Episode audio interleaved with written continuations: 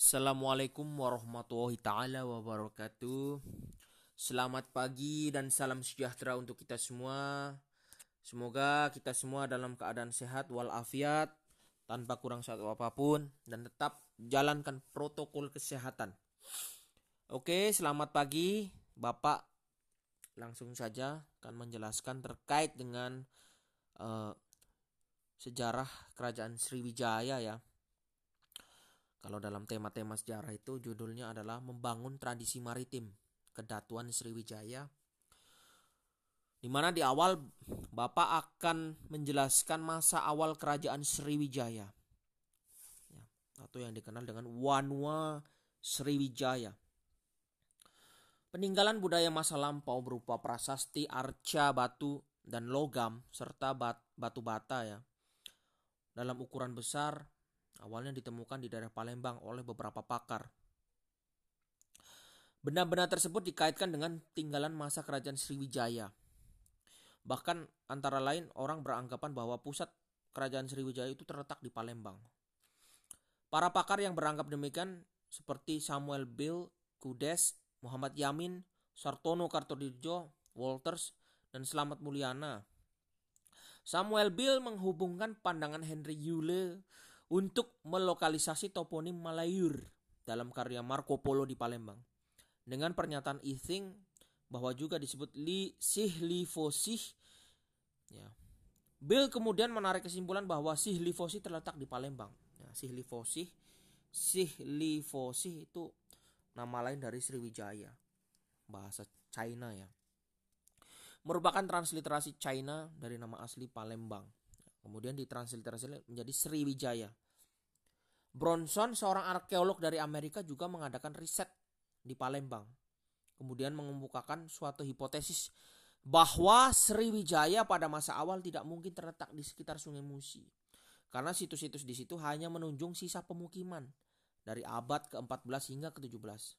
Dalam kenyataannya, kebanyakan data arkeologi masih mendukung kesimpulan bahwa daerah sekitar Bukit Siguntang dan daerah pertemuan antara Sungai Musi dan Sungai Sungai Musi, Sungai Ogan dan Sungai Keramasan tidak terlalu jauh dari sebuah keraton di antara tahun 682 hingga 1082. Nah, ini perlu untuk kalian pahami bahwa sumber-sumber arkeologi itu berperan penting ya dalam proses eksplanasi sejarah. Jadi orang sejarah itu juga menggunakan sumber arkeologi yang sudah teruji seperti itu. Pakar arkeologi yang pertama kali memperkenalkan Sriwijaya ke dunia ilmu pengetahuan sejarah antara lain Kudes. Dalam telaahnya mengenai prasasti kota Kapur yang ditemukan di Pulau Bangka pada tahun 1898, Kudes mengidentifikasi bahwa Sriwijaya adalah nama sebuah institusi kerajaan yang lokasinya di Palembang. Pada tahun 1922, seorang residen Belanda bernama Westeneng selama kurang lebih setahun telah membaca tulisan Kudes dan mulai mencari peninggalan kuno yang ada di wilayahnya.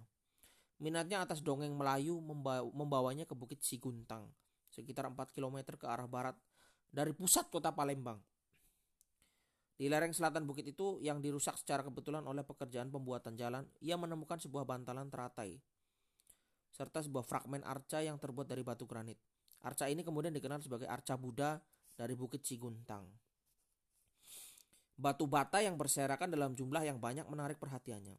Selain itu ditemukan struktur bata yang membentuk sebuah denah lingkaran sekitar 5 km ke arah barat laut dari Bukit Ciguntang. Ia menemukan prasasti Talang Tuo yang memiliki angka tahun 684. Ya. Sehingga pada tahun 1920 Battenberg melakukan penggalian lagi kemudian menemukan prasasti Kedukan Bukit. Dalam kedua prasasti ini merupakan prasasti yang pertama yang ditemukan daerah Palembang. Prasasti Kedukan Bukit meskipun isinya singkat memberi informasi yang cukup padat dan penting bagi penulisan sejarah. Prasasti ini mungkin merupakan yang paling penting hingga kini yang pernah ditemukan di Sumatera. Ya. Prasasti Kedukan Bukit merupakan prasasti tertua. Ya. Bahkan dalam prasasti ini terdapat tiga pertanggalan dalam satu angka. Ya.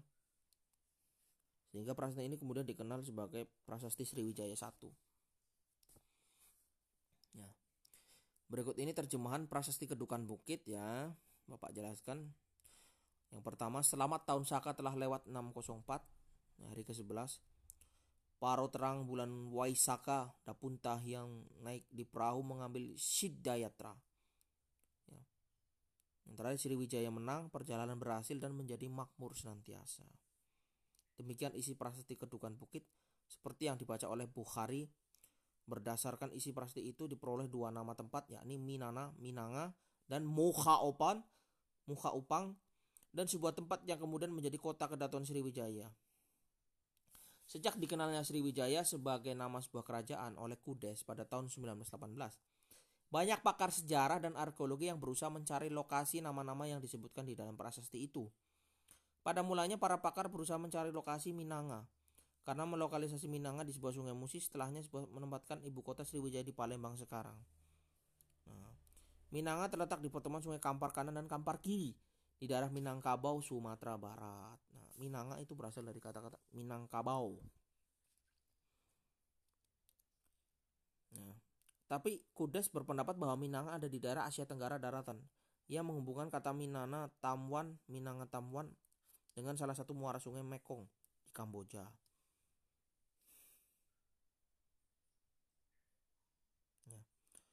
Selain halnya Selamat Mulyana, dia juga menyamakan Minanga dengan kota Binanga di Kabupaten Tapanuli Selatan yang ada di tepi Sungai Barumun. Jadi toponimi itu juga penting ya untuk melihat jejak kerajaan atau jejak sejarah satu lokasi atau tempat.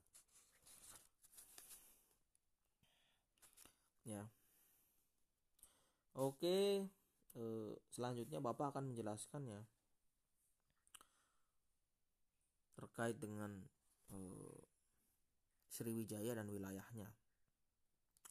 Jadi Dapun Tahyang ya Raja Sriwijaya uh, memilih tempat yang strategis yaitu di sekitar pertemuan Sungai Musi dengan Keramasan dan Sungai Ogan. Jadi ada tiga sungai. Kalau orang Jawa bilang itu ada pertemuan itu itu tempatnya angker. Bukan hanya angker ya. Kalau untuk bertapa itu sangat luar biasa ilmunya nanti terasah ilmunya seperti itu. Maka dari itu tempat-tempat pertemuan sungai itu kadang di, dikultuskan. Ya, karena ada ada kekuatan ada apa sih kepercayaan ada ada sakralnya gitulah. Tindakan Dapun Tahyang beserta pasukannya secara disadari atau tidak telah mengubah ekosistem alam yaitu ekosistem meander sungai yang masih berawa-rawa menjadi ekosistem buatan. Dalam hal ini menjadi ekosistem hunian ya tadinya rawa-rawa kemudian jadi tempat tinggal. Nah rawa-rawa ini ya ketika jadi tempat tinggal itu sangat rawan sekali ya. Pertama struktur tanah ya, pastinya dia harus punya kekuatan untuk pondasi eh, rumah itu harus bagus. Yang kedua penyakit ya. Ya rawa-rawa sendiri kan dihuni oleh ya nyamuk-nyamuk malaria dan lain sebagainya. Artinya dia harus siap itu menghadapi resiko itu tadi. Yang ketiga hewan-hewan buas seperti itu. Nah, ini yang kemudian Dampit yang mendirikan sebuah wanua yang diberi nama Sriwijaya. Beberapa beberapa waktu kemudian Dampit yang membangun sebuah taman yang diberi nama Srik Setra. Sekarang jadi nama jurnal ya. Krik Setra. Krik Setra itu nama jurnal jurnal ilmiah di Universitas Sriwijaya. Nah, Taman Sretra yang dibangun oleh Dapun Tahyang ditujukan untuk kesejahteraan semua makhluk. Lokasi Taman Sretra juga berada di daerah sebelah barat kota Palembang, di daerah Rawa Putih Kuku, Kecamatan Talang Kelapa. Nah, ini menarik. Beberapa sumber arkeologi banyak yang hilang karena tadi pencurian dan sebagainya. Oke, eh demikian penjelasan dari Bapak. Silahkan dibagi kelompoknya ya. Dan membuat dan buatlah satu PowerPoint. Yang pertama, kelompok pertama ya. Kalian silahkan membuat PowerPoint yang berisi struktur ya kerajaan Sriwijaya, struktur birokrasi kerajaan Sriwijaya. bagaimana struktur birokrasi kerajaan Sriwijaya itu sendiri. Bapak jelaskan sedikit ya. ya. Sriwijaya adalah suatu kerajaan yang berbentuk kedatuan, kelompok datu. Ya. Ya. Jadi eh, di dalam kedatuan itu terdapat suatu sistem birokrasi. Mengenal kata datu, ya istilah datu itu eh, seperti apa ya? Datu itu kayak gubernur gitu, kayak provinsi gitu. Nah. Paham enggak? Ada kelompok-kelompok datu. Nah, kedatuan itu istilahnya gini, ya. Misalkan dalam satu provinsi ya, ya, dia punya berapa kabupaten seperti itu. Nah, artinya birokrasinya ya ada ada tata pemerintahan dari atas dari bawah dan juga mengenal adanya sistem kasta seperti itu. Kelompok kedua kehidupan keagamaan kerajaan Sriwijaya. Ya.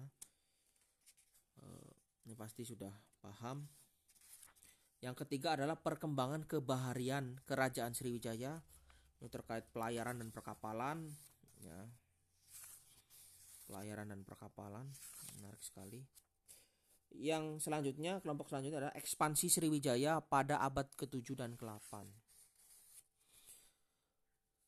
Ya. Yang terakhir, hubungan politik dan ekonomi dengan kerajaan lain di Asia. Oke, silahkan ya. Masing-masing materi itu ya, dibuat powerpointnya ya, nanti dikumpulkan di grup di grup saja. Oke terima kasih. Selamat pagi menjelang siang. Assalamualaikum warahmatullahi taala wabarakatuh